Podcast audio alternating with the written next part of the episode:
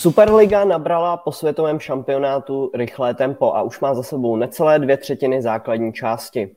Konkurenci drtí Třešovický Tatran, který je stoprocentní a nedávno porazil mladou Boleslav vysoko 11-1. Pokulhávají ale i třetí Vítkovice, kromě Boleslavy. A na tuto dvojici se dotáhli Bohemians.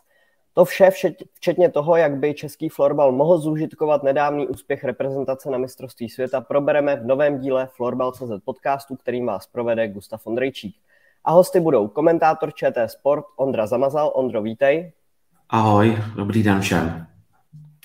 Dále trenér juniorských mistrů světa a florbalový expert Jiří Jakoubek. Jirko, i tobě přeju hezký den. Ahoj, pánové. A v neposlední řadě vítám novináře a bývalého superligového florbalistu Jakuba Švejkovského. Kubo, hezký den. Ahoj kluci a hezký den všem florbalovým fanouškům ode mě. Tak a protože jsme po mistrovství světa neměli samostatný díl eh, Florbal.cz podcastu, tak se ještě pojďme Eh, trošku ohlédnout za tím světovým šampionátem, který skončil ziskem stříbrných medailí pro českou reprezentaci a pojďme udělat takovou symbolickou tečku, zhodnotit to. Co si myslíte podle vás, že ta stříbrná medaile pro celý český florbal znamená?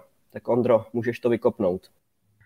Já doufám, že to neznamená, že se přestane pracovat a že se uspokojíme, jak je v Česku obvyklé, protože už jsme to v minulosti zaznamenali, tyhle tendence. Na druhou stranu to ukazuje správnost nastavené cesty, správnost eh, v tom, že i z české superligy lze poskládat konkurenceschopný tým, který to dovedl až do finále mistrovství světa, což ale na druhou stranu podle mě není vizitka celé soutěže, ale řekněme části klubů, které pracují opravdu moderním způsobem a drží se trendů, které udává současný světový florbal.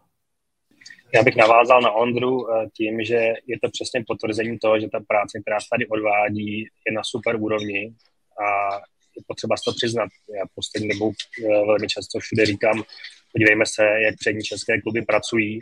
Ano, není to všude, každý si třeba jde trošku svojí cestou, ale v globálu to na poměry českého sportu je podle mě eh, úžasná práce a ty kluby zaslouží absolutorium za to, jakým způsobem se posouvají a ten výsledek není náhodný, je to prostě odraz reality toho, jak se eh, v Čechách ve florbale pracuje obecně eh, na celé té šíři. Já to teda ještě zakončím. Já jsem byl teda v dějišti mistrovství seta a přemýšlel jsem, eh, jako, jak to porovnat s tím tehdejším prvním stříbrem z roku 2004. Myslím si, že to stříbro tehdy bylo takový možná trošku překvapivý. Teďka přesně souhlasím s klukama, že opravdu to nastalo díky dlouhodobý skvělé práci. Ale na druhou stranu si myslím, že tenhle ten tým, nebo trenér Berka mluví o tom úplně nejvyšším cíli, a sice o zlatu, a pak, když chtějí toho dosáhnout už v Malme 2024, tak je čeká poměrně dlouhá cesta. Co jsem třeba já sám viděl, tak mi přijde, že vlastně v reprezentaci kromě Matěje Havlase není nějaký pravák, eh, lomen jako levý křídlo, který by byl schopný tam sázet eh, jako x, x gólů. Zajímalo by mě, jestli třeba Jarda Berka před, před tím mistrovstvím vůbec eh, jak probíhala třeba komunikace s Honzou na to, vím, že, vím, že ten byl zrovna konkrétně dlouhodobě zraněný, Přál bych tam vidět třeba příště už Petra Majera. Je tam, je tam hodně podle mě men, který třeba mohli být ještě využitý, takže ten finální výsledek mohl být ještě trošku lepší. A jak říkám, myslím si, že mm, skvělá vizitka, kluci si určitě šáhli na to, že je možný hrát vyrovnaně takhle nějakým způsobem se Švedama, ale pak, když chtějí dosáhnout toho úplně nejvyššího vrcholu, tak je před nimi hrozně velká a dlouhá cesta. Já už se na to ještě můžu zareagovat. Já jsem to vzal z toho širšího pohledu. Pokud bych se vrátil samotnému tomu výkonu na mistrovství nebo obecně k tomu týmu, eh, všimněme si jedné věci. Během celého mistrovství se z toho týmu nebo z jeho okolí nevyskytovaly žádné zprávy, na jaký jsme byli zvyklí v minulosti, že tenhle nechce rád s tímhle, tenhle nemá rád tohle. A ten tým působil úžasně jako zpět dohromady. A když se podíváte, nebo když komunikujete s těma, ať už hráčema, nebo s tím realizačním týmem, tak oni všichni to chtějí posouvat, oni všichni chtějí, aby to bylo ještě lepší a celý to ženou dopředu a to si myslím, že, že je právě ta vizitka toho, co se tady děje. Tady se teď pracuje pro to, aby se dlouhodobě mohlo být na tom topu a ne, aby to byl jednorázový úspěch nebo dílo nějaký náhody. Mirko, když tě tady máme, tak můžeme uh, toho využít a zeptat se tě, Jak třeba vnímáš tu změnu té mentality, že když dnes eh, hráči nastupují třeba do zápasu ze Švédy, tak si věří na to, že můžou ten zápas vyhrát, protože vy jste byli takový průkopníci u toho, u juniorské reprezentace, protože vy poprvé jste vlastně eh, dokázali proti všem těm velkým favoritům eh, hrát vyrovnanou hru a porážet je, tak kde tam vnímáš tu změnu té mentality, v čem přesně? V té všednosti.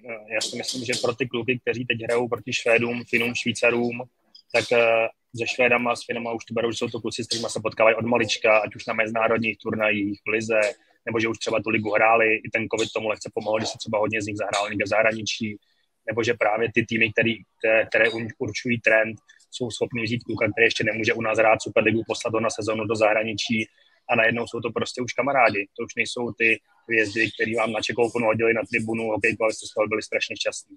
Jsou to prostě naprosto stejní spoluhráči, nechci říkat jako v lize, ale je to běžný a ty kluci to takhle vnímají a to si myslím, že je ten posun v té hlavě. Ondro, kde ty vnímáš uh, tu změnu? Ty jsi odkomentoval spoustu zápasů české reprezentace, tak vnímáš to tam opravdu, tu mentalitu, tu změnu? Rozhodně. A když se bavím s hráči, nebo jsem se s nimi bavil v minulosti, tak tahle změna je de facto detekovatelná v celé společnosti, podle mě.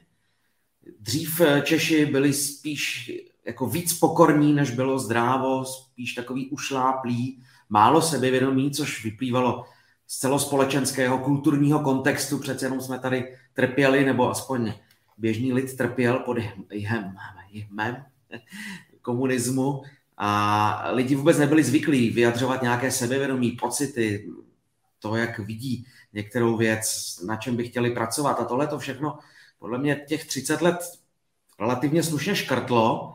Já jsem v té době ještě vyrůstal, takže já na sobě fakt cítím stopy tohle chování, ale mladá generace je od toho úplně ostřižená a funguje to podle mě výborně. Plus věci, které nastavil Jirka, když ho tady máme, u juniorské reprezentace, to znamená spolupráce s mentálním koučem. Dřív se tomu sportovci smáli a dnes to i velké sporty přejímají. Vědí, že bez toho zkrátka nemůžou fungovat v té velmi vyrovnané konkurenci, která panuje ve většině sportů, tak zkrátka, když máte nastavenou hlavu, jste připraveni na zápas, máte jasně určené úkoly, ať už týmové nebo individuální, tak jste napřed před soupeřem, než když si jenom hodíte florbalky a jdete hrát a spoleháte na talent, což mi pořád připadá, že je případ Švédů a pokud my je někde, netvrdím přefrčíme, ale předčíme, tak to bude právě tímhle, že budeme eh, schopni zpracovávat tyhle detaily, zařazovat je a používat je ve prospěch týmového výkonu. Takže v tomhle je naprosto diametrální rozdíl oproti generaci Tomáše Kavky, ale i Milana Friedricha, Milana Garčala, ještě těchto borců, kteří skutečně, když nastupovali proti Švédům, tak podle mě základní cíl byl nedostat výprask, uhrát ten zápas nějak slušně a když všechno klapne dohromady, tak z toho může být třeba remíza nebo dobře výhra. Povedlo se to jednou v roce 2014. Ale teď v posledním období vidíme, že národní tým se nikoho nebojí, už ani Finů ne, ví, jak proti těmhle mužstvům hrát a je to právě spojení sebevědomí, samozřejmě herní, hráčské kvality, týmového vedení nebo vůbec trenérského, ale tahle věc hraje zásadní roli, tedy ta, na kterou se mě tázal. A ještě to, ještě to vlastně pojďme podpořit zase fungováním v těch oddílech. Teď už prostě oddíly neřeší to, eh, jestli tady ty, ty velké oddíly budou mít, eh, nevím, že někdo udělá výživovou, výživovou porad, eh, nějakou poradní sílu nebo něco takového, že tam prostě budou mít fyzioterapeuty, že tam budou mít správně kondičního trenéra. Všechny tyhle ty týmy už tohle mají naprosto v základu a to ani před deseti rokama ještě nebylo. To znamená, teď se začínají propisovat ty věci od začátku a můžeme se bavit o tom, že s každým dalším mistrovstvím juniorů, juniorek nám dorostou tři, čtyři hráči, hráčky do té seniorské úrovně, kteří tam budou mít to svoje místo. A to dřív nebylo. Dřív to byl třeba jeden člověk, který byl nadstandardní. A když si vezmeme třeba ještě tým juniorů, co se týká ročníku 95, o 90, jako 96, 95, anebo ještě ten ročník předtím, vemte si, kolik těch hráčů teď už nehraje na topové úrovni. když si vezmete tým, co jsem já měl ve Vechě, jsme měli tým z Halifaxu, většina těch klubů ve florbale pokračuje a neustále to chtějí ještě někam šoupat. To znamená, tohle je taky jeden z aspektů, který dřív nebyl. Já asi jenom taky na to trošičku navážu. Já zrovna včera jsem byl na zápase Sparty s Black Angels, pak jsme se bavili s klukama chvíli a jenom jsme se bavili třeba o, o počtu tréninků v týdnu, jo. A už jenom za tu dobu, co já nehraju, což jsou nějaký čtyři roky, tak prostě i ten, i ten počet těch jednotek se jako výrazně zvýšil, řekněme, v těch top pěti, šesti klubech a to jsou přesně detaily, na kterých je to postavený, o čem teďka říkají kluci. A, a vlastně tam není důvod, že jo, proč by se ty kluci pak měli těch Švédů Finou bát, když tady Matěj Havlas s Filipem Formanem si je dvakrát na mistrovství světa juniorů vlastně vykostí, když to řeknu trošku lidově, tak jako tam není sebe menší důvod. A přesně myslím si, že krásně Ondra to i, i zmínil takhle celospolečensky. A sám jsem zvědav, eh, sám jsem zvědav, kdy nastane ten moment, kdy se ještě trošku vyrovnáme eh, těm top dvěma národům. No. Samozřejmě tam si myslím, že už je ale to otázka o tom, kdy už se skutečně z té soutěže stane ještě víc, z té poloprofesionální ještě víc, tam budou peníze a ještě to prostředí bude profesionálnější a to je, nevím, jestli je otázka 10 let, 15, 20 let. Zase to pojďme eh, vzít zpátky. Já když jsem šel trénovat muže v Tatranu, tak to bylo v rámci shodou okolností, Zahy končil úplně tady měl trénovat, já jsem v tu dobu byl na to trénu jako trenér mládeže, tak jsem se k tomu dostal tak trošku jako slepý gouslí. Teď se bavíme o tom, že u mužského týmu Tatranu je Frida s Benim. To je kombinace, kterou si předtím měl pomalu možná na celý klub a ještě si byl rád, že vůbec si takový lidi měl, teď je máš u jednoho týmu. A takhle můžeme pokračovat u těch top týmů. Ty realizační týmy začínají být hrozně silný a je to vidět. Je to, ten florbal je najednou úplně jiný a je, a je to posunutý i od té doby, co já jsem skončil s v klubu před čtyřma rokama, stejně jako ty s hraním, tak to je úplně někde jinde. A už by bylo hrozně těžké se třeba pro mě do toho vracet a to pod působem uvářenských výběrů, ale ta realita denní se podle mě posunula za ty čtyři roky strašně kupředu. No ale na druhou stranu jako to je otázka kolika klubů, jako to je otázka těch šesti klubů nahoře, ale teďka se vším respektem eh, jako vůči Otrokovicím jako tam už jsou ty nůžky podle mě jako výrazně rozevřený. Stejně tak, nevím, jako v Karlovy Vary, pro mě je to jako, o tom se budeme bavit v průběhu dneska, že ale pro mě je to prostě jako velký zklamání za tím jejich působení tady. Ale prostě, že přijde mi, že ty nůžky jsou opravdu trošku v tuhle chvíli jako rozevřený. No. A ty nůžky jsou rozevřený, ale podle mě zase v té dlouhodobosti. Pokud je klub, který je zdravě postavený strukturálně a organizačně, tak může dlouhodobě dostávat nějaký výsledků sportovních. Pokud samozřejmě to třeba podpoří nějakou ekonomickou silou pokud ty kluby prostě nemají nastavené to podhoubí, což mimochodem český fotbal dlouhodobě že ho simuluje různýma programama podpory, nejdřív to byli sekretáři, pak to byli šéf trenéři a tak dál, tak vlastně pokud tady ty kluby si to podhoubí vytvořili a někdo z různých stran, Boleslav ze zhora, že jo, eh, Tatran třeba dlouhodobě prací s mládeží a tak a tak dál, tak tady ty kluby jsou silní a dlouhodobě budou. A i když třeba nebudou mít jednu dobrou sezónu, tak stejně dlouhodobě budou.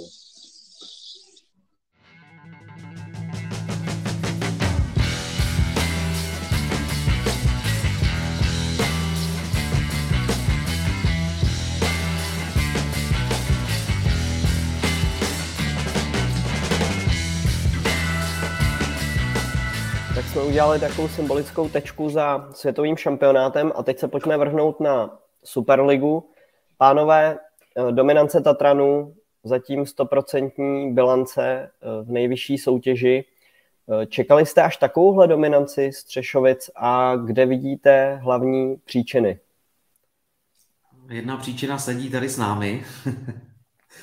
to, jakým způsobem to tam Jirka nastartoval, práce s mládeží, propojení elitních týmů s dospělými, tím, že opravdu tam se to hrne od spodu neskutečně, jak přiznávají trenéři Milan Friedrich s Luďkem Benešem, tak, nebo samotní hráči, že na tréninku mají osm famozních juniorů, kteří to tam zkrátka hrnou a vytvářejí konkurenceschopnost v tom týmu. Já si zase vzpomenu na slova, možná už jsem jednou zmiňoval, Radka Sikory, trenéra Villeru, který říkal, že tréninky ve Villeru jsou v 80% náročnější než zápasy proti většině týmu NLA v té době.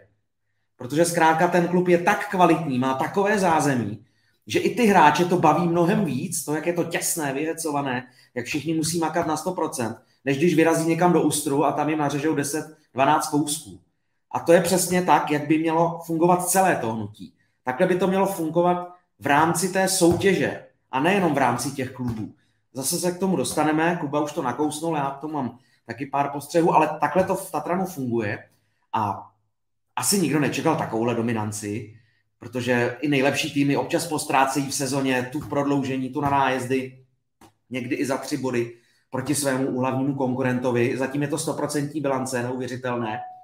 A pokud to Tatran dotáhne, tak to bude historický rekord, ale samozřejmě, že teď si všichni na ní na tatranské brousí zuby, to je, to je jasné a může tam nastat nějaké zakolísání, budou se připravovat třeba na jiný vrchol, třeba zvládnou postup do finále poháru, upřednostní potom úspěch v poháru, obětují tomu jedno, dvě superligová kola, těžko soudit, jak to, jak to dopadne až do konce, ale přesně to zdravé fungování, jak Jirka naznačoval, tak tam vidíme.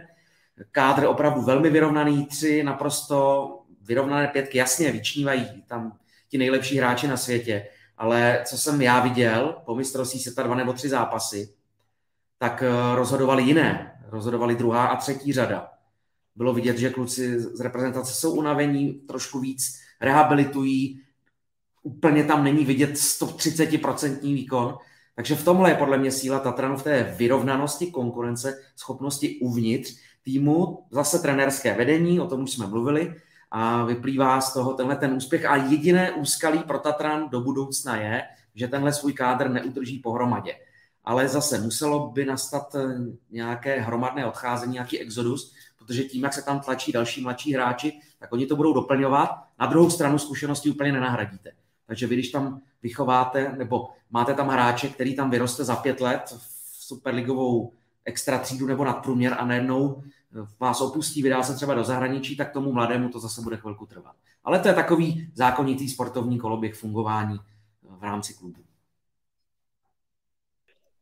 Já navážu, já jsem před uh, asi týdnem a půl napsal článek uh, šest pilířů, na čem stojí tatranská dominance, takže fanoušci si to můžou přečíst. Já jenom trošku sám sebe vykradu, nebo co mi přijde nejzásadnější.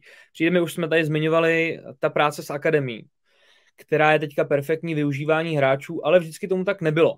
Vzpomenu si na rok 2010, eh, kdy Tatran vyhrál juniorský titul a tehdy nebyla, nebylo propojený Ačko s juniorkou. Takže spousta hráčů se nakonec nedostala, nebo prostě z tohohle kádru, který vyhrál v roce 2010 juniorku, tak se nahoru dostali pouze, jestli se nepletu, tři jména, a sice Jirka Kolísko, Marek Vávra a Patrik Doža, který v tuto chvíli ani, ani jeden z nich už v Tatranu už nehraje. Jirka Kolískou dávno skončil kariéru, Mark Vávra válí v, na chodově a Patrik Doža je teda dávno pryč ve Švýcarsku, ale prostě už, už tehdy museli odejít i jiný jména, třeba jako Lukáš Bauer, který v té juniorce byl a vlastně se vůbec do Ačka neprosadil. Moc, moc tam nefungovalo. Teďka naopak přesně m, mm, začala přestavba, Tatran ještě, ještě zkvalitnil tu akademii a teďka opravdu vychází každoročně, dá se říct, eh, jako rozdílový hráč typu ročník 21 Filip Langer, 22 Matěj Havlas, 2003 ročník narození Bohumil Piskáček, eh, teďka ten ročník 25 je taky velice silný, Šimon Vavroušek se usadil v lejně a tahle ta práce s akademií, kde já nemám, nemám přesný počet, ale řekl bych, že prostě 75% a více hráčů současného kádru Tatranu prošlo většinou mládežnických struktur, tak je dobře doplněno fakt jako citlivě s citlivýma přestupama, že to není, že nakoupíme prostě celou jednu lajnu v dalším přestupním období, ale že to je prostě jednou přitáhneme Davida Šimka, za půl roku přivedeme eh, Čermáka, pak si prostě tady rok skautujeme, řešíme Tomáše Hanáka.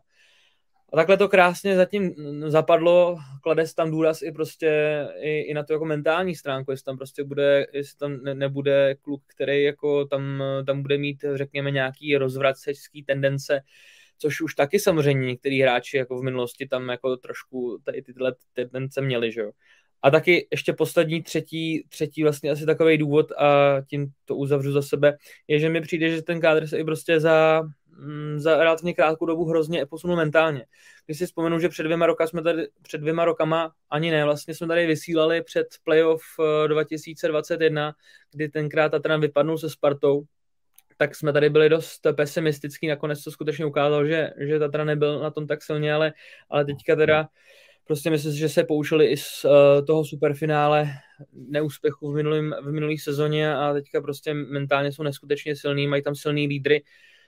Vlastně si dokážu představit, co mi se muselo stát, aby, aby nedokázal na úplný vrchol. Tam zkrátka, jestli, jestli někdo dokáže je v tom jednom jediném zápase porazit, to mě napadá jako jediný důvod.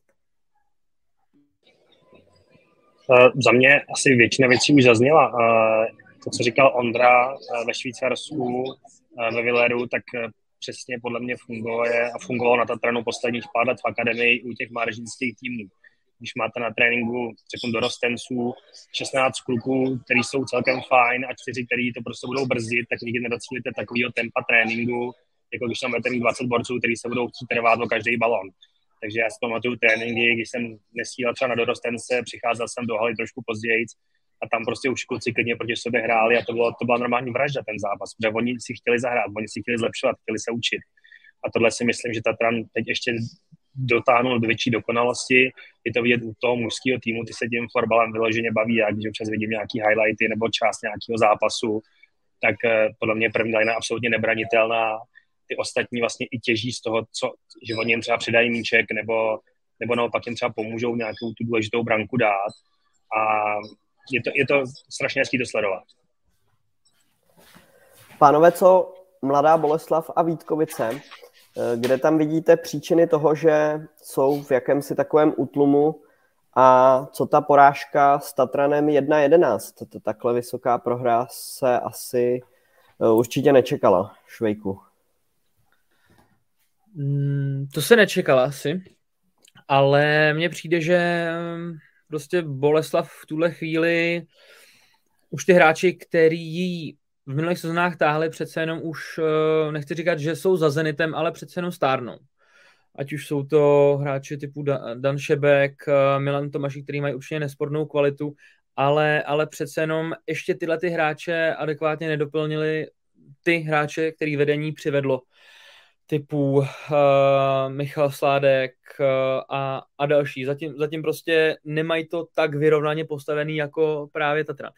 Já jsem ten zápas teda ne, neviděl, ten uh, eh, 11-1, ale tak o tom, o tom nechci, nechci mluvit, ale prostě zároveň to bylo tím, že, že Tatranu to absolutně, absolutně sedlo. Co jsem slyšel, tak do toho zápasu šli velice, velice uvolněně Tatran a tohle byla taková třešnička na dortu. Ale myslím si, že prostě zkrátka dobře navážu třeba na Jirku, myslím si, že Mladá Boleslav je určitě tým, který je zdravě postavený takhle, takže to prostě může být uh, jedna, jedna nepovedenější sezona. Na druhou stranu bavíme se jako o druhým, druhým týmu tabulky, jo, takže to zase není, že by, že by najednou teďka klesli na nějaký desátý místo. Ale přece jenom uh, myslím si, že že uvidíme reprízu toho superfinále. Moc jsem na to zvědavý. Myslím si, že, že ten tým se dokáže vybičovat uh, k rozhodně jako k jednomu koncentrovanému zápasu. Fakt jsem na to zvědavý. Já tam jenom doplním, eh, tam, když se podíváte na odehraný zápasy eh, Boleslavy poslední, tak ano, sice prohráli s Tatranem, hodně těch gólů tam napadalo po super akcích, no, po nějakých chybě defenzivy, ale jinak oni tam měli taky docela dobrou vítěznou školu, předtím podle mě prohráli naposled s Bohemkou, jestli se nemýlim. Takže je to samozřejmě složitý hodnotit to podle jedné prohry, ale myslím si, že Boleslav taky teď je v situaci, který byl Tatran třeba před pár rokama, že některý hráči pomalu končí svoji kariéru, pro Petra Novotního to musí být složitý řešit, kdo jak bude pokračovat, kdo nebude, jestli už třeba nějakému mladšímu hráči dá důvěru na úkor toho staršího. Tohle to není jednoduchá situace a myslím si, že Boleslav to bude letos i příští rok je v tom velice složitý. A možná otázka, když jste tak kluci obráceně, kdybyste teď byli trenéři a měli jste si vybrat jeden tým nebo dva týmy v lize, do kterých byste chtěli jít, aby vám to dávalo smysl v tom, že ten tým bude ambiciozní, že má před sebou ještě ten vrchol, že ty hráči jsou zvyklí pracovat a není to tak, že půjdeš do hotového týmu, kde za úkol bude titul, ale že můžeš ten tým vytáhnout, řeknu třeba z nějakého středu nebo vršku tabulky opravdu k tomu titulu, tak ono takovýhle štěstí moc nenajdete, kdybyste si to mohli vybírat. A to je podle mě to důležité si uvědomit, že, že aspirantů na posun k titulu není tolik, jako podle mě aspirantů na to, že budou spíš trošku níž, než si momentálně jsou. No, souhlasím s tím, co zmiňovali kluci. Podle mě Boleslav se připraví na playoff úplně stoprocentně, o to bych se nebál. Mě pořád zaráží relativní úzkost jejich kádru. Když to vezmu de facto i pár let dozadu, samozřejmě to způsobeno tím, že často Bolka hrála na své klíčové hráče, neměla čas nebo nedopřála prostor těm mladým obouchat se, teď myslím v těch složitých situacích. Třeba Tatran neměl jinou volbu, tam je to jednoduché. Zkrátka měl mladý tým a ti mladí nejlepší museli hrát rozhodující momenty a ti další potom naskakovali v těch ostatních a, a postupně se to nějak prolnulo. Tady Boleslav zařadila v posledních letech nějaké juniory, ale zdaleka nevyletly tak rychle, jako v případě Střešovic nebo Vítkovic, kde výborně pracují s mládeží a znovu doplnili kádr o spoustu skvělých juniorských reprezentantů dalších mladých hráčů. A teď podle mě na to Boleslav doplácí i s ohledem na to, že ne každý hráč, kterého Tomáš Pacák osloví, tak nakonec kývne na tu nabídku. Už přece jenom kluci si vybírají i z jiných destinací a už v jejich uvažování hraje roli i něco jiného než zabezpečení pracovní nebo studijní nebo obecně výrazná podpora pro jejich florbalovou kariéru, ale třeba hledají kamarádské vazby nebo hledají jinou motivaci, jiné výzvy v jiných klubech. Takže tohle to podle mě, než si sedne, než zase Boleslav ustálí svůj kádr, tak bude nějakou dobu trvat. Přece jenom utrpěla odchody v posledních letech a třeba, že se to nezdá, tak pořád podle mě odchod Jiřího Kárnyho je obrovský zásah do organismu, ve kterém Jirka a Boleslav fungovali dohromady od roku 2013. Takže nahradit takového playera, byť taky stárne a už nebude sázet 80, ale jenom 50 bodů v úvozovkách za sezonu nebo 55, tak, tak pořád je to hráč, který má ohromnou sílu ve všech aspektech hry. Takže to je Boleslav a Vítkovice. Těžko soudit. Vypadá to, že se s rodinou chystáme na sever Moravy, protože tam mám hokejové komentování přes svátky, tak chci vyrazit na zápas Vítkovice Bohemians. Omrknout je přímo naživo, na jejich dubině a trošku tam vysondovat teda, jestli se něco děje nebo ne.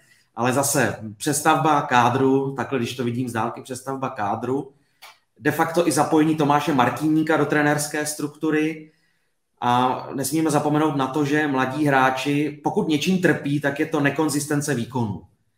Proto jsou hvězdy hvězdami a ti nejlepší hráči nejlepšími, protože dokážou držet vysoký standard a i když eh, v některých utkáních to třeba herně nevypadá dobře, tak jsou schopni zápasy rozhodovat. A tohle mladým hráčům chybí a Vítkovice jich mají plný tým. To znamená, že tam si to musí sednout spíš po té zkušenostní stránce, zase to všechno do sebe zapadnout. A ačkoliv de facto vy doplňujete hráče z jedné klubové struktury, jenom je posouváte kategoriemi, tak každý trenér má trochu jiný přístup a taky trochu jiný styl. A i když se klub prezentuje tím, že hraje jednotnou šablonu, teď myslím i v opravdu v hracích herních systémech, tak přece jenom vám trvá, než si opravdu přivyknete na nové prostředí. V tomhle případě, když je to skok z dorostu do Ačka, z junioru do Ačka a tak dále. Takže ohromná budoucnost, pokud Vítkovice udrží svůj tým, ale zase ta jejich přestavba věková, která už trvá nějakou dobu, zkrátka potřebuje čas. Trošku nenápadně se do té elitní čtveřice dostala Bohemka, která dokázala v základní části vyhrát právě v Mladé Boleslavi. Co říkáte na výkony Bohemians? My se tady mm, o Klokanech bavíme téměř v každém Florbelce podcastu. Švejk si určitě vzpomene, že už jsme hodněkrát pasovali na to semifinále na takového černého koně. Myslíte si, že letos už opravdu i s těmi zkušenostmi, které mají, s Filipem Formanem ve formě, s Martinem Kisugitem, jestli už je to opravdu tým, který může proskočit eh, do, to, do těch závěrečných bojů v playoff? Eh, no úplně se mi chce říct, jako kdo jiný, že jo? Při současné formě eh, těch dalších týmů by tam Bohemka letos určitě měla být. Já si myslím, že hodně doplnila před sezónou. I kluci, kteří se vrátili, třeba Martin Kisugi, to prostě podávají výkony, dají ten tým ženou nahoru. A myslím si, že zase brankář se pomaličku začíná dostávat do toho, do nějaké formy, ve které třeba minulé, minulé sezóně úplně nebyl. To znamená, Bohemka podle mě má našlápnuto do semifinále a byl bych byl bych překvapený, kdyby tam, kdyby tam nebyla. Myslím, že ta semifinálová čtveřice letos, uh, nechci říct, že je jasná, ale když vezmu uh, ty první čtyři týmy, do kterých Bohemku počítám, tak pochybuji, že byste nechali utíct. Já souhlasím. Já teďka taky, když se dívám na tabulku, tak uh, ty první čtyři týmy vidím jako semifinalisty, takže teda Tatran, Boleslav, Vítkovice a, a Bohemku. Vlastně no, Gustav to říkal správně, řešíme to tady vlastně takový, takový leitmotiv našich podcastů, jako kdy už to teda nastane. A vidím v tuhle chvíli Bohemku asi trošku výš než uh, Spartu, což to vypadá, že to bude ten čtvrtfinálový souboj. Um, Jediný, jediný, co si říkám, eh, co může třeba trošku ohrozit tu pozici, je skutečně jako výkonnost, eh, eh, výkonnost brankáře, no. protože, protože přece jenom ty první dvě liny jsou skutečně u Bohemky velice nabitý, skvěle doplněný Honza Řehoř, Martin Kisugite, už jsme to tady říkali, Bohemka ukázala i tímhle, tímhle příchodama svoje ambice, myslím si, že by si to i zasloužila protože přece jenom uh, už, už na to čekáme nějakou tu sezonu. Ale já, jak, jak, říkal, jak říkal Jirka, pro mě osobně, já jsem pasoval Bohemku jako takového černého koně vůbec před sezonou. Pro mě by to bylo velký překvapení, kdyby se Bohemka nedostala do semifinále. A jenom pro mě ještě, než Ondra, Ondra začneš, tak uh, za mě kdy jindy než teď, protože jestli Filip Forman uh, pro sezóně odejde do zahraničí, což asi je velice pravděpodobný očekávat, tak, eh, tak si myslím, že zase ten tým bude lehce dolů. Takže určitě letos je to správná chvíle pro Bohemku. Přesně, já se budu opakovat, protože tohle už jsem taky vyslovil v nějakém předsezónním našem společném podcastu. Bohemka musí. Takhle bych to dokonce formuloval. Bohemka musí, protože pokud do semifinále nepostoupí, tak už eh, to nebude náhoda. Už by to nebyla náhoda v tomhle případě s takovýmhle kádrem a tak s takovým vedením se nedostat mezi čtyři nejlepší týmy. Já vím, že to je tlak, který na ty hráče působí, ale jedně, jedně pod tlakem vyzvedáte svou výkonnost. Jasně, nesmí to být mm, tlak eh, až moc silný nebo takový až eh, nadsazený, nereálný, ale v tomhle případě si myslím, že tlak odpovídá skutečnostem, tak když se mrkneme na tu tabulku, jak vypadá. Navíc nikdo by se třeba nemohl divit, pokud by Bohemians neposkočili klidně i na druhé místo po základní části. Když to koukám, jak je to tam vyrovnané, Boleslav 38, Vítkovice 36, Bohemka 36 a jeden zápas k dobru, tak eh, se to klidně může přihodit, takže tam se to ještě může zamotat. Ale Bohemians by to mělo být jedno, ale zase se budu opakovat a možná to Bedla nebude slyšet rád, je super, jakým fotbalem se Bohemka prezentuje, ale s tímhle stylem nemůže v playoff uspět, podle mě. V průměru 10 střelených gólů na zápas, to je bomba, nejvíc celé soutěže, ale 104 obdržených branek. Tatran má 42 v dosavadním průběhu soutěže. Já si myslím, o, 60, o 62 gólů míň dostal Tatran v dosavadním průběhu Superligy. A třeba, že florbal není hokej, že to v playoff v hokeji všichni zatáhnou a Třinec hraje prostě na 2-1, na 2-0, na 1-0, to ve fotbalu také nefunguje. Ale pořád vy musíte sázet především na perfektní obranu a brankáře. Takže tady vás doplním. Já nechci podceňovat kluky z Bohemians, jsou talentovaní, chytají dobře, ale když to vezmeme Tatran, Jurco Kříž, jedno, koho tam posunete a vždycky je to famózní výkon.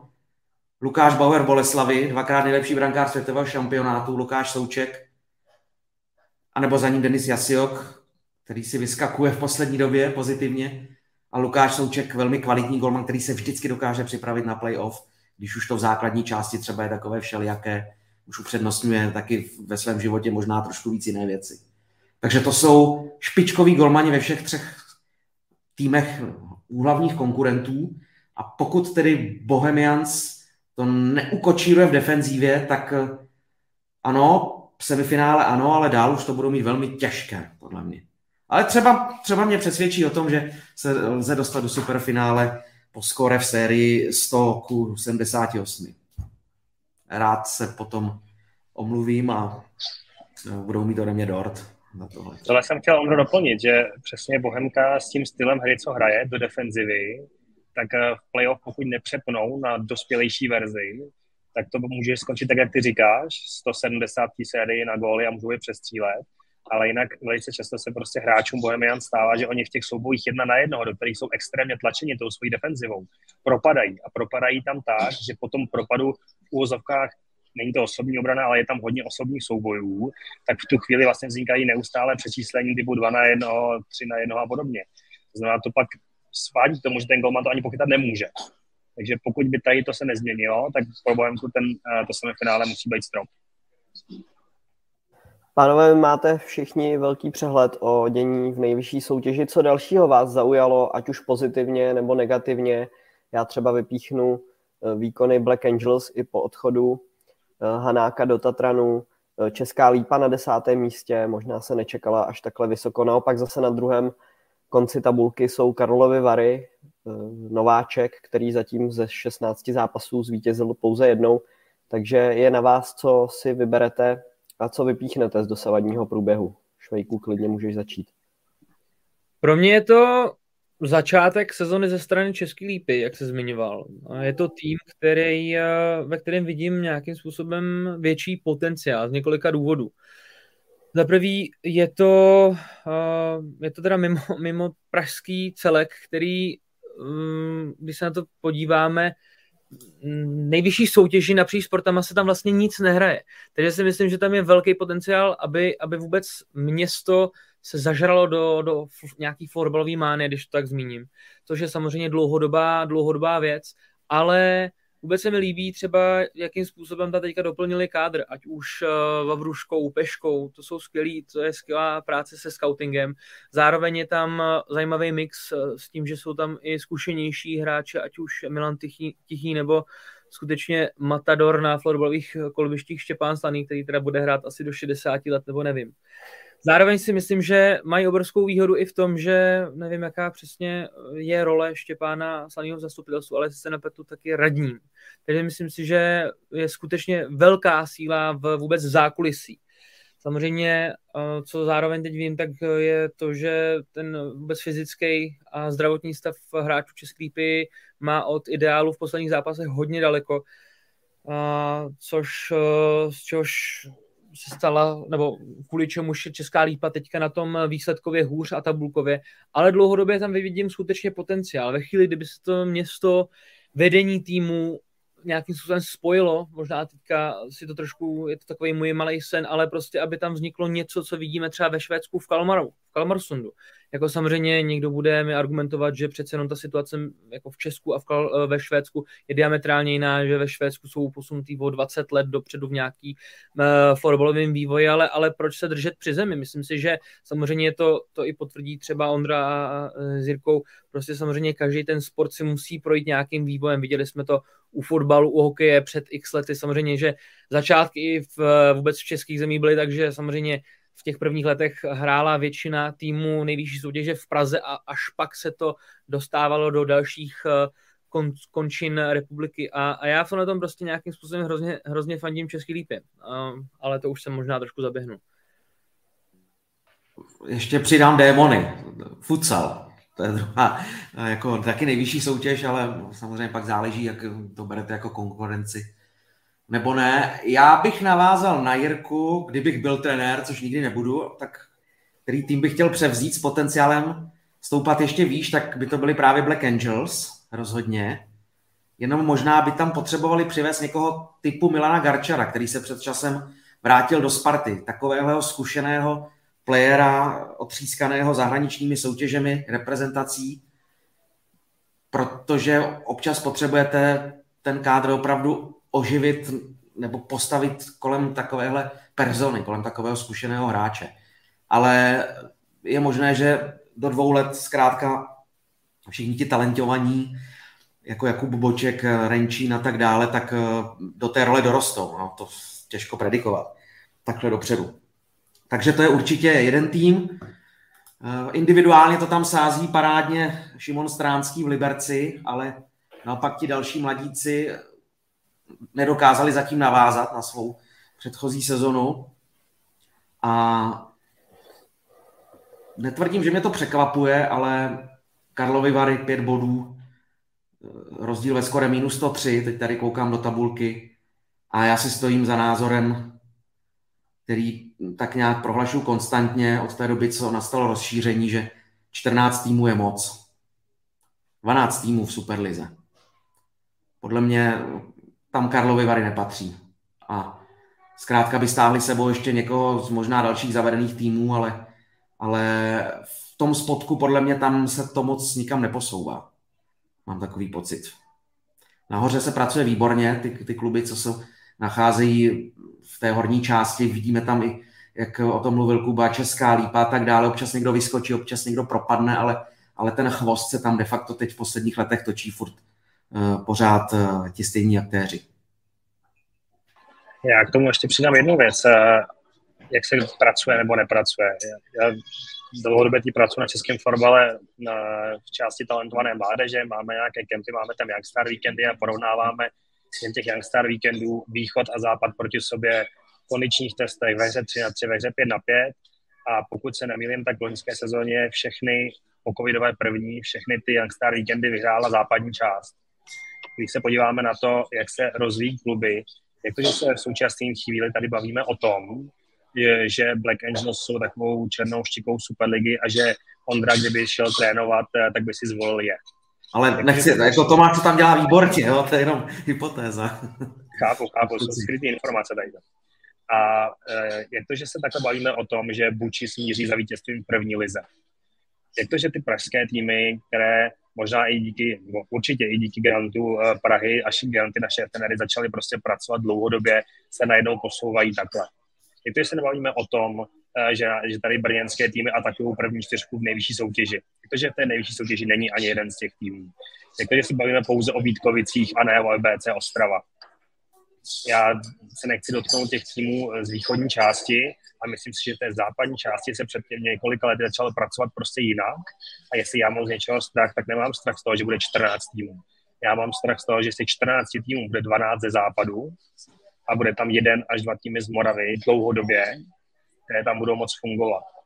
A hrozně bych si přál, aby i díky tomu, co třeba děláme, že opravdu objíždíme všechny ty místa na západě a na východě a ukazujeme těm týmům nebo klubům z okolí, jak by to mohlo vypadat, takže se to zase začne vyrovnávat, protože když já jsem byl junior, je to teda už hodně dlouho, tak jsme na dvojí víkend eh, do Brna, do Ostravy, do Vítkovic, do Havířova v, v té době jezdili a dostali jsme tam strašnou rychlost a vraceli jsme se zpátky teď už tam v té první lize juniorů ani nejedeme. A to je za mě ta největší message, kdy bychom měli co nejvíce snažit o to, aby se neposouvaly jenom tyhle týmy, o kterých se dneska bavíme. Protože potom to bude podle mě celkem nuda. Ještě než uzavřeme povídání o Live Sport Superlize, tak tady máme eh, dotaz z Pardubic.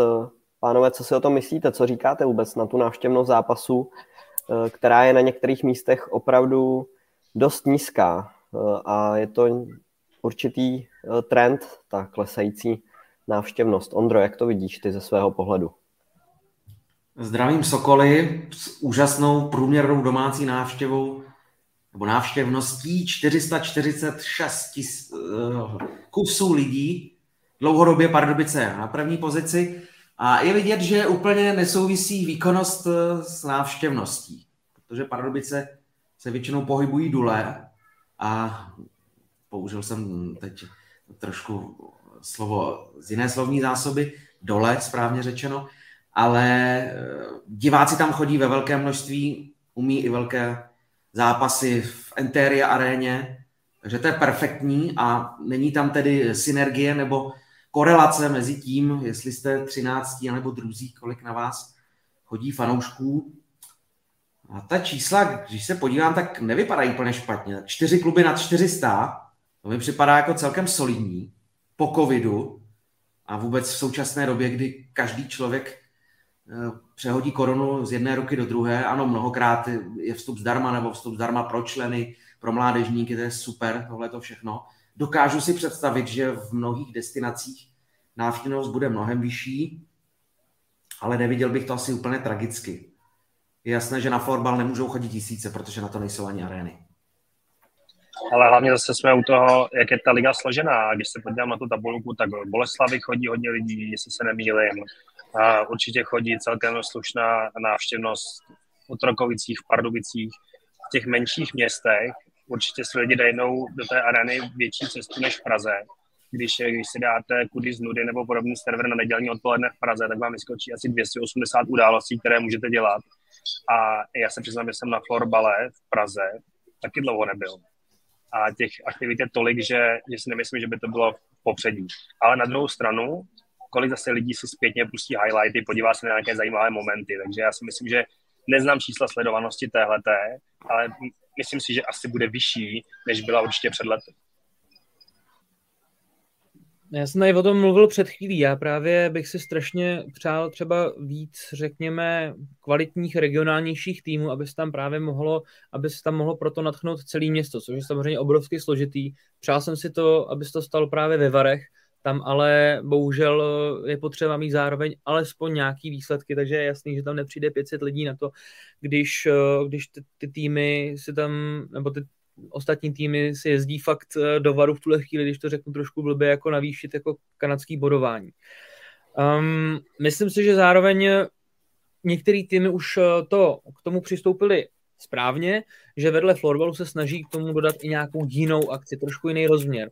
Prostě tam nabídnout trošku nějakou show, prostě ať už je to Tatran, Sparta, upřímně třeba nevím, určitě Boleslav, nevím, jakým způsobem k tomuhle přistupují k, ve Vítkovicích ale, ale prostě taky trvá to nějaký čas, jako jak říkal Ondra, musíme, musíme vůbec nabídnout nějaký že ještě trošku lepší produkt, musí na to být jako lepší ty haly, což mm, jako jen tak jako teďka nepostavíme za, za tři roky prostě deset nových hal, samozřejmě musíme si nějakou, nějakým způsobem vychovat to, to florbalové fanoušstvo, což je, já nechci tady znít ale prostě negativně, ale je to záležitost jako dlouhodobější, že jo? Prostě je postupnýma krokama to budovat, nechtít eh, držet se nějakým způsobem lehce při zemi v tomhle tom, nebo jako být trpělivý, to je asi, tak, tak to vidím. Je to o vztahu, je to o vztahu taky k tomu klubu. Eh, zase ne, Karlovy Vary, kolik eh, lidí z Karlových Varů bude hra, znát hráče z Karlových Varů, který znají z Karlových Varů, že spolu chodili na střední školu v Karlových Varech.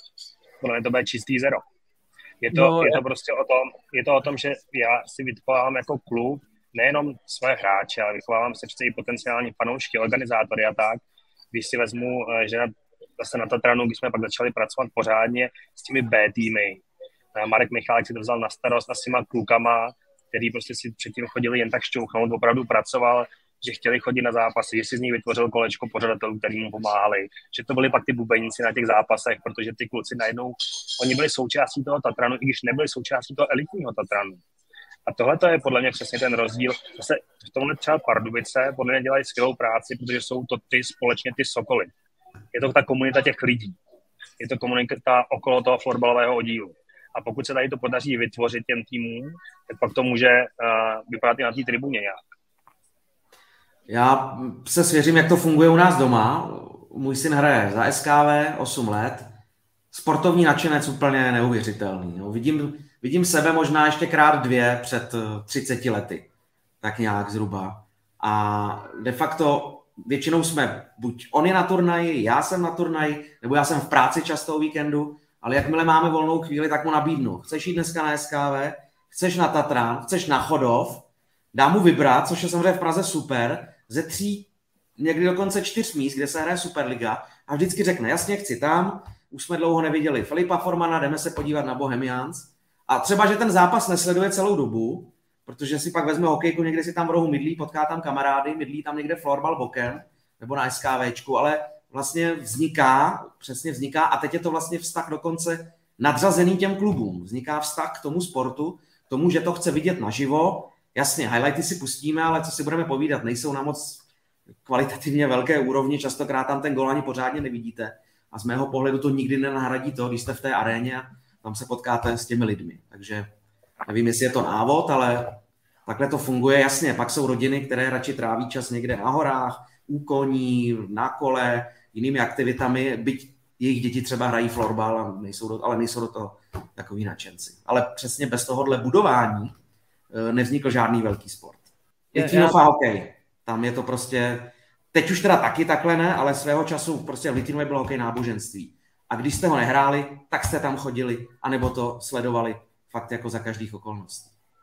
Já na tohle navážu ještě v, jenom v posledních pár, pár bodech. Přesně si myslím, že florbal samozřejmě to není nějaký úplně jako tajemství, že tak uh, extrémně široká mládežnická základna a když se to dobře uchopí vůbec budování toho vztahu takhle odmala, tak jako pak za deset let můžou být jako perfektní výsledky. Já nevím, jak je na tom třeba konkrétně ten, ten pohár Super Cup, nebo jak, na jakém vlastně princip funguje, jestli to teda jako v základních školách, to, to by nám třeba možná přiblížil víc Jirka, ale kdyby tady vzniklo něco jako, nevím, jak ve fotbale jako McDonald's Cup, kdy skutečně jsou do toho zatažený všechny, dejme tomu třeba školy, tak si myslím, že to taky, taky může třeba tady tenhle ten vztah trošku nějakým způsobem podpořit, vůbec vybudovat to, aby, aby to byl nějaký jako fenomén mezi jako školama, takové zápolení, učit to může taky jako rovněž pomoct. Tak si myslím, že ten... Přesně takhle to funguje, Švejku. Přesně takhle to funguje a těch školy tam zaplní obrovské množství, ať už základní nebo středních.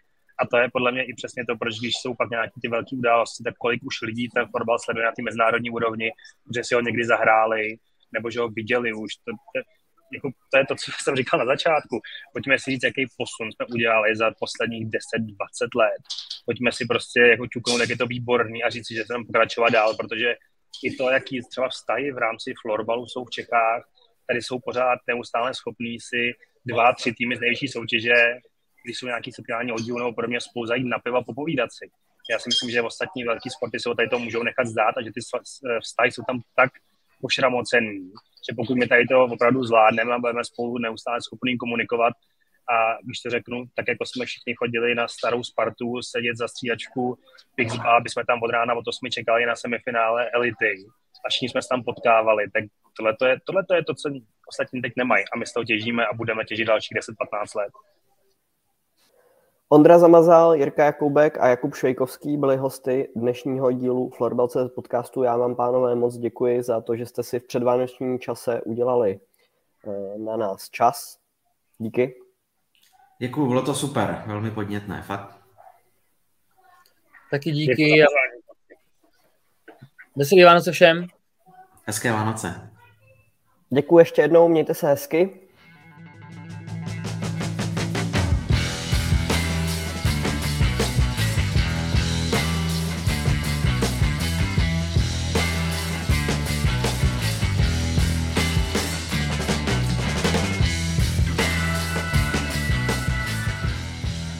A já už ve druhé části Florbal.cz podcastu vítám florbalového novináře, redaktora Florbal.cz, specializujícího se na ženský florbal, Michala Danhofna. Míšo, přeju ti hezké úterý. Pěkné úterý všem fanouškům nejen ženského, ale obecně florbalu. Tak a pojďme se vrhnout na povídání o ženském florbale a první moje otázka na tebe je, jestli si myslíš, že už je rozhodnuto o prvním místě v základní části Extraligy žen, Vítkovice mají náskok aktuálně 6 bodů.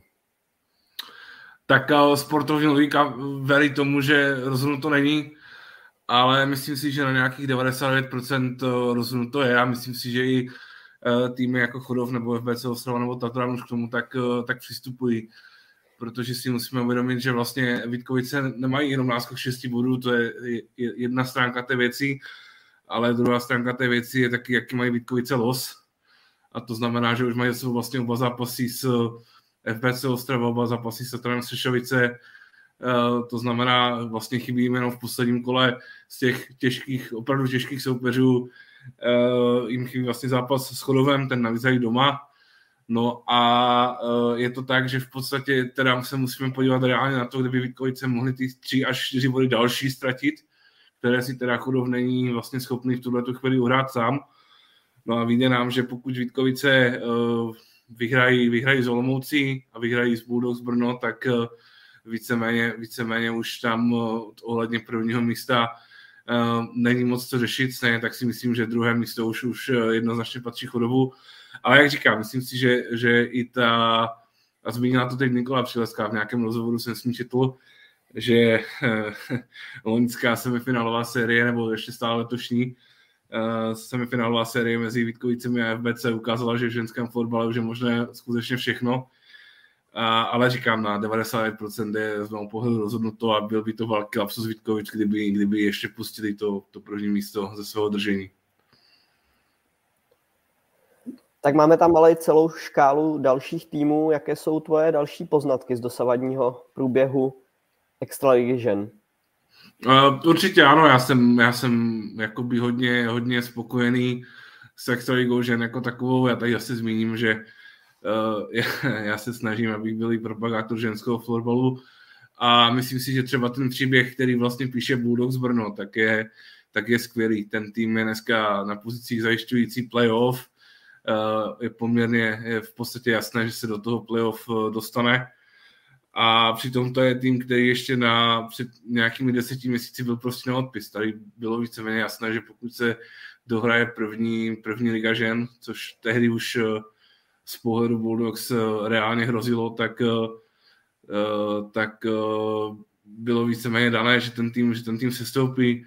Přesto tam vlastně nový realizační tým pod vedením Martina Čičinkara udělal podle mě jako skvělý kus práce a ukázal, že ten tým prostě má potenciál, byť eh, zůstal prakticky nezměněný, respektive ty, respektive ty změny jsou, jako nejsou úplně markantní.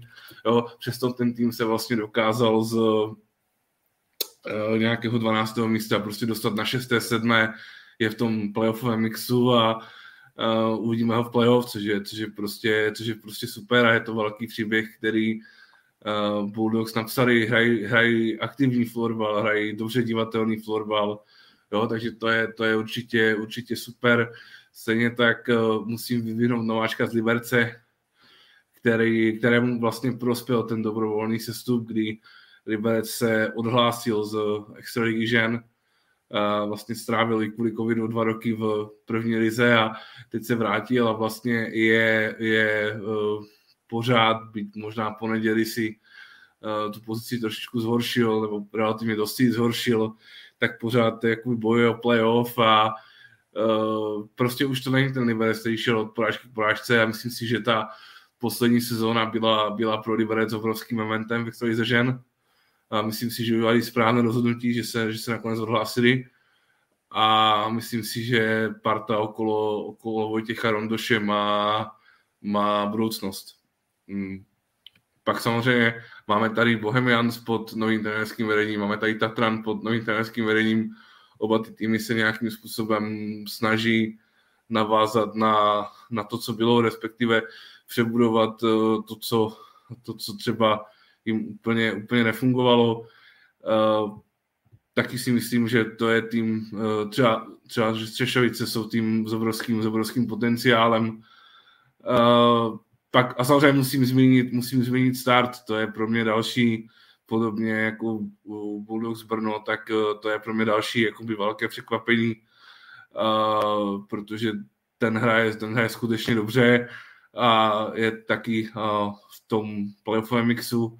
Myslím si, že ten základ, který uh, je asi společný pro týmy jak startu, tak Bulldogs, tak je ten, že prostě ten uh, florbal dělají, dělají hrozně poctivě, dělají to dobře, dělají to, uh, nebo mají to postavené dobře typ, typově ty, um, ty týmy, jo, že víceméně pro tu hru, kterou chtějí prezentovat, tak, uh, tak na to mají, mají na to typově prostě hráčky. Myslím si, že ať už uh, zmíněný Martin Češinkár nebo Eliška Hofmanová nebo pan Petr, tak uh, prostě mají takový ten trenérský cít na to ten, ten tým postavit a to se, to se vyplácí. Samozřejmě uh, jsou tady i nějaké negativní, negativní věci. Pro mě je eh, velkým, velkým zklamáním Mladá Boleslav. Já jsem jim před začátkem sezóny uh, typoval na playoff a byť uh, se můžeme bavit o tom, že uh, dejme tomu nějaká marotka je objektivní asi uh, důvod toho, proč jsou třeba takhle dole. To vlastně jediný tým, který ještě v soutěží během 15 kol nevyhrál v základní hrací době, to znamená za tři body, tak si myslím, že je poměrně napováženou, aby se objevily takové výstupy typu, že máme prostě problém vyjet kamkoliv dál než, než do Prahy. Jo, to, mě, to mě třeba ve té záplavě těch pozitivních zpráv, jakoby z extraligy žen, tak to, mě, to mě docela mrzí, no, že v nějaké sezóně 22-23 Eh, tady máme ještě problém s tím eh, vyjet, eh, vyjet za Prahu, no, což je to, je to zvláštní a říkám, jako hodně, hodně mě to mrzí a je to asi, je to asi k zamyšlení. No. nech, nechci být zlý, ale když si pak po zápase ve Vítkovicích přečtu, že hráčky Boleslavy měly nějaký individuální úkol a že to nechtějí jako prezentovat veřejně, no tak uh, to už snad evokuje to, že teda je to nějakých deset statečných, které, které teda které teda jako vyjeli do té Ostravy. No. Je, to, je to, říkám, je to strašná, a je to škoda, já si myslím, že Boleslavi tím, jak je situovaná, byla tady o tom řeč, že ten zájem o ten, o ten fotbal tam je, tak, eh, tak eh, je škoda, no, že, se v tom, že se v tom takhle plácá a, a myslím si, že pokud se v soutěži udrží, tak eh, to určitě by stálo za nějaké, za nějaké zvážení, protože samozřejmě to playdown je neminé a myslím si, že kdokoliv tam propadne z těch pozic 9-10, což teda z největší pravděpodobností asi teda budou Jíčín s Libercem, tak, tak pak vyhrají to první kolo playdown.